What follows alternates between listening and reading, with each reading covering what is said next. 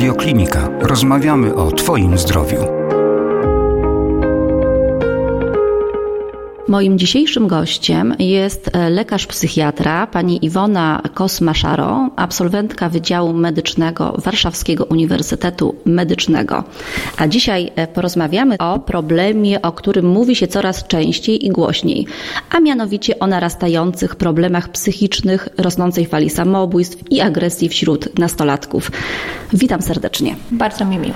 Iwona, e, jakiś czas temu, słuchając radia, natrafiłam na taką audycję, w której wypowiadał się pan profesor Janusz Heitzman. To mnie bardzo e, dotknęło, ponieważ on mówi, że polska młodzież jest na drugim miejscu w Europie w statystyce samobójstw dokonanych i to jest taka tendencja rosnąca. Problem jest narastający, coraz częściej nie radzimy sobie z tym w rodzinie. Nie radzą sobie specjaliści, zresztą e, lekarzy psychiatrów jest chyba 416 w całej Polsce.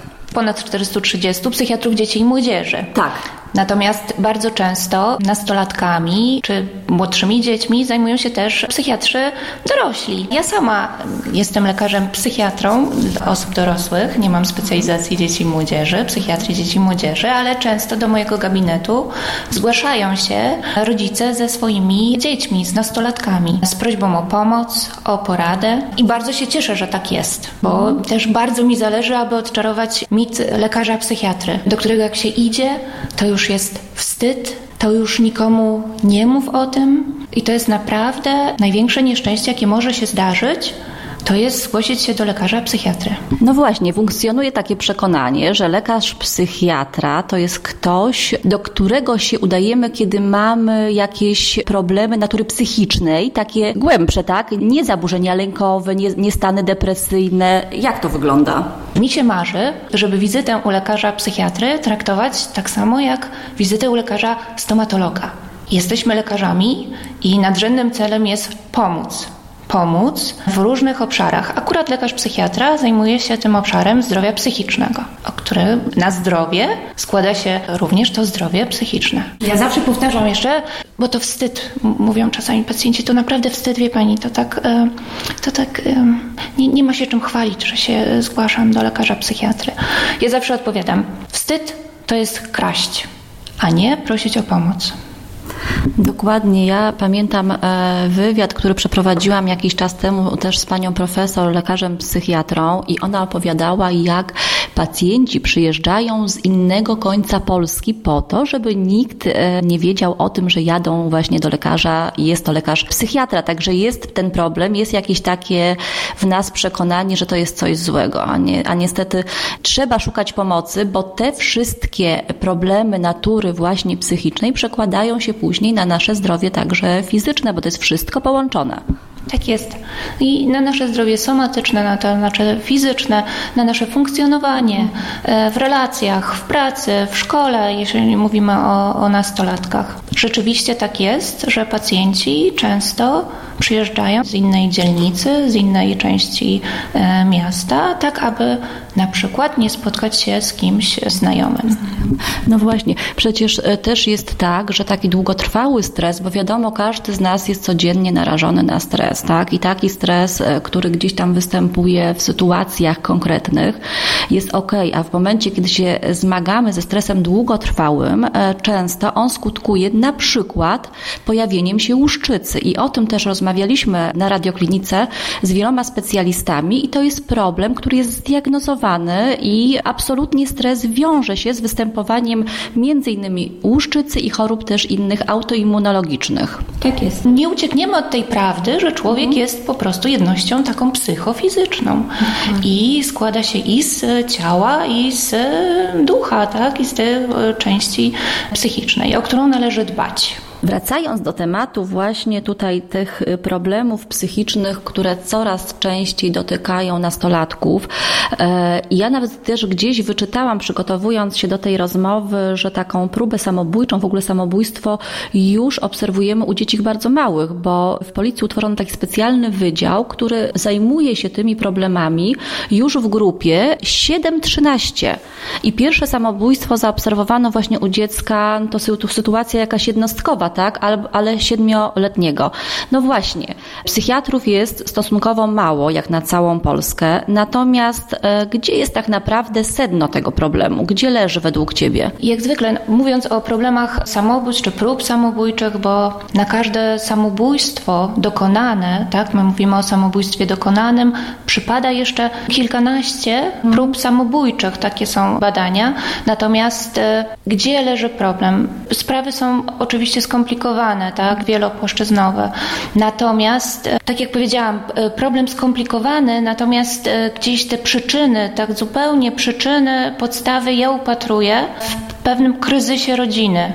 W kryzysie rodziny, w braku e, odpowiednich e, relacji, więzi między e, rodzicami a dziećmi, trudności w komunikacji, trudności w słuchaniu dzieci, w rozumieniu tego, co się z nimi dzieje, też tego, co się dzieje z nami, dorosłymi, tak? Ponieważ co to znaczy dać wsparcie dziecku, to znaczy najpierw być gotowym do tego, aby dać komuś wsparcie, to najpierw trzeba być gotowym samemu, aby to wsparcie dać drugiemu. Ja tutaj też napisałam sobie taki właśnie fragment, który mnie e, bardzo jakoś tak ujął. Pochodzi on z książki Nastolatki, kiedy kończy się wychowanie. E, rzeczywiste wychowanie odbywa się między wierszami przenika poprzez szczególną atmosferę, jaka panuje w domu między rodzicami, między nimi, znajomymi czy sąsiadami. A zatem prawdziwy proces wychowawczy zależy od tego, jaką naprawdę jesteśmy rodziną. I to chyba też oddaje to, co powiedziałaś właśnie, tak, że oczywiście możemy dyskutować o tym, że system w Polsce jest niedoskonały, tak, że brakuje miejsc w ośrodkach, brakuje lekarzy, ale może spójrzmy najpierw e, od samego dołu na swoją rodzinę, tak, na to, że nie mamy czasu, jesteśmy nie dość uważni, sami borykamy się z różnymi problemami, z którymi no nie zgłaszamy się do lekarzy. Tak.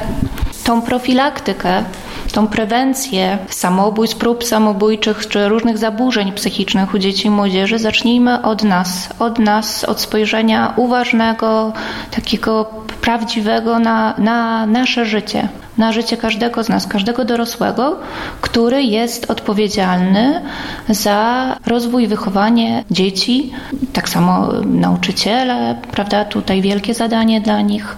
Badania też pokazują, że ryzyko rozwoju zaburzeń psychicznych w rodzinach, które były w znaczącym kryzysie, jest ponad stokrotnie większe aniżeli w tych, które dobrze funkcjonują. Dobrze funkcjonująca rodzina, czyli rodzina, która jest uważna na siebie, w której są bliskie relacje, w którym rozmawiamy ze sobą, komunikujemy się ze sobą w sposób bezprzemocowy, w którym słuchamy siebie, respektujemy swoje potrzeby, zwracamy na nie uwagę. No ale słyszysz, jakie to są wymagania. Tak to, to, to, my dorośli potrzebujemy zadać sobie pytanie, czy ja znam swoje potrzeby, czy ja y, y, komunikuję się, czy ja rozmawiam w odpowiedni sposób. Czy dziecko chce ze mną rozmawiać, a jeśli nie chce, to dlaczego ono nie chce ze mną rozmawiać? Może spójrzmy znowu na siebie. Czy ja zachęcam do tej rozmowy? Czy raczej wychodzę z założenia, że wiem wszystko lepiej. Mam to doświadczenie, mam e, wiedzę, kompetencje, byłam w różnych sytuacjach się znalazłam. Poza tym jestem starsza, po prostu jestem starsza, wiem więcej. Mhm. Ale wiem może więcej o swoich potrzebach. Ale czy wiem o potrzebach mojego dziecka? No właśnie, nikt nas nie uczył być rodzicami. To jest też ciężka praca nad sobą, a nad relacjami, tak jak wspomniałaś, właśnie w małżeństwie, bo po prostu dziecko obserwuje, jest doskonałym obserwatorem. Już dziecko 6-7-letnie, nawet powiedziałabym mniejsze, tak? E, to widać, tak? Dziecko, jak jest małe, dzieli się to, tym najczęściej z paniami w przedszkolu, tak? Gdzie pani wiedzą wszystko, co jest, co dzieje się w domu. Dokładnie. Tak.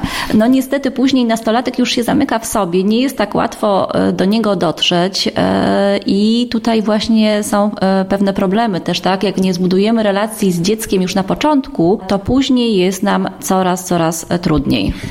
Znaczy, trudno się dziwić temu nastolatkowi, że często, gęsto nie chce z nami rozmawiać. Mhm. Jeżeli jak to się czasami też mówi w małżeństwach czy w rodzinach, już wiem, co ona powie. Niezależnie. Ja już wiem, jaka będzie narracja.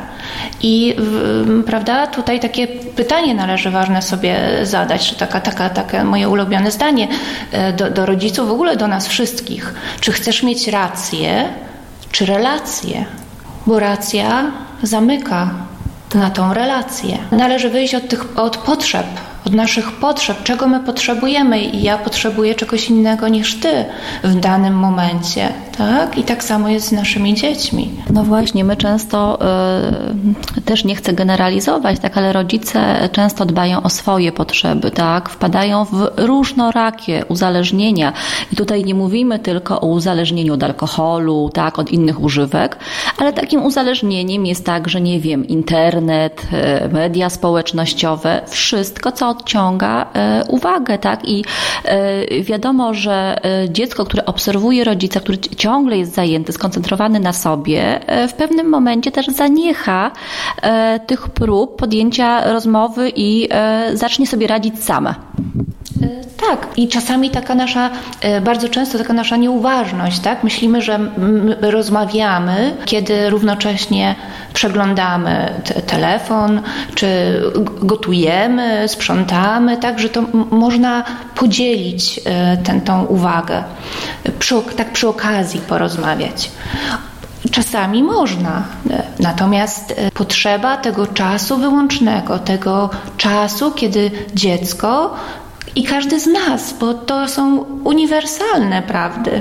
My rozmawiamy na temat dzieci i młodzieży, ale to, to, są prawdy, które dotyczą nas, również dorosłych. Każdy z nas potrzebuje uwagi, poczucia, że czucia się wyjątkowym, dostrzeżonym w tej relacji, z uwagą wysłuchanym, niekoniecznie od razu komentowanym, niekoniecznie doradzanym, wysłuchanym. Wtedy jest możliwość żeby następnym razem, kiedy poczuje się źle, kiedy poczuje się skrzywdzony, ten nasz nastolatek, to nasze dziecko, ten nasz dorosły e, mąż, partner, przyjdzie i będzie chciał z nami e, podzielić się tymi e, swoimi troskami.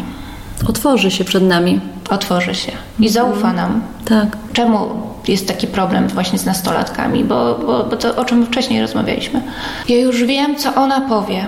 Trzeba było tam nie iść, trzeba było coś tam, a po co, a po co, a po co? A po co się narażać na taką rozmowę? Zachęcam do słuchania i też takiego powstrzymywania się od komentowania raczej uważnym takim słuchaczem, tak, partnerem. No i też ja tutaj chciałam też podkreślić e, wagę dotyku, przytulania. To, że to jest nastolatek, to nie znaczy, że on nie potrzebuje, tak, przytulić się do mamy, przytulić się do taty, pobyć, nawet tą rozmowę odbyć, e, nie wiem, właśnie na kanapie gdzieś, tak. przytulając się do rodzica, bo to daje poczucie bezpieczeństwa, takie ciepło e, i to rodzi właśnie bliskość i sprawia, że ten nastolatek nastolatek się otworzy przed nami. Jak najbardziej.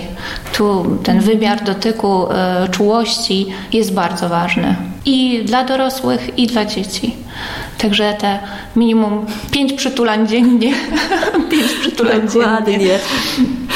No jest ta taka nauka też, prawda? Tak jak e, nawet my w relacjach dorośli, tak jak widzimy po drugiej stronie osobę, która już swoją postawą gdzieś tam jest taka zamknięta i widać, że nieufna, no to też nie będziemy do niej podchodzić, bo się boimy odrzucenia. To jest to samo z młodym człowiekiem. Tak? Jak najbardziej, jak najbardziej. Także e, pięć przytulań to minimum, oczywiście.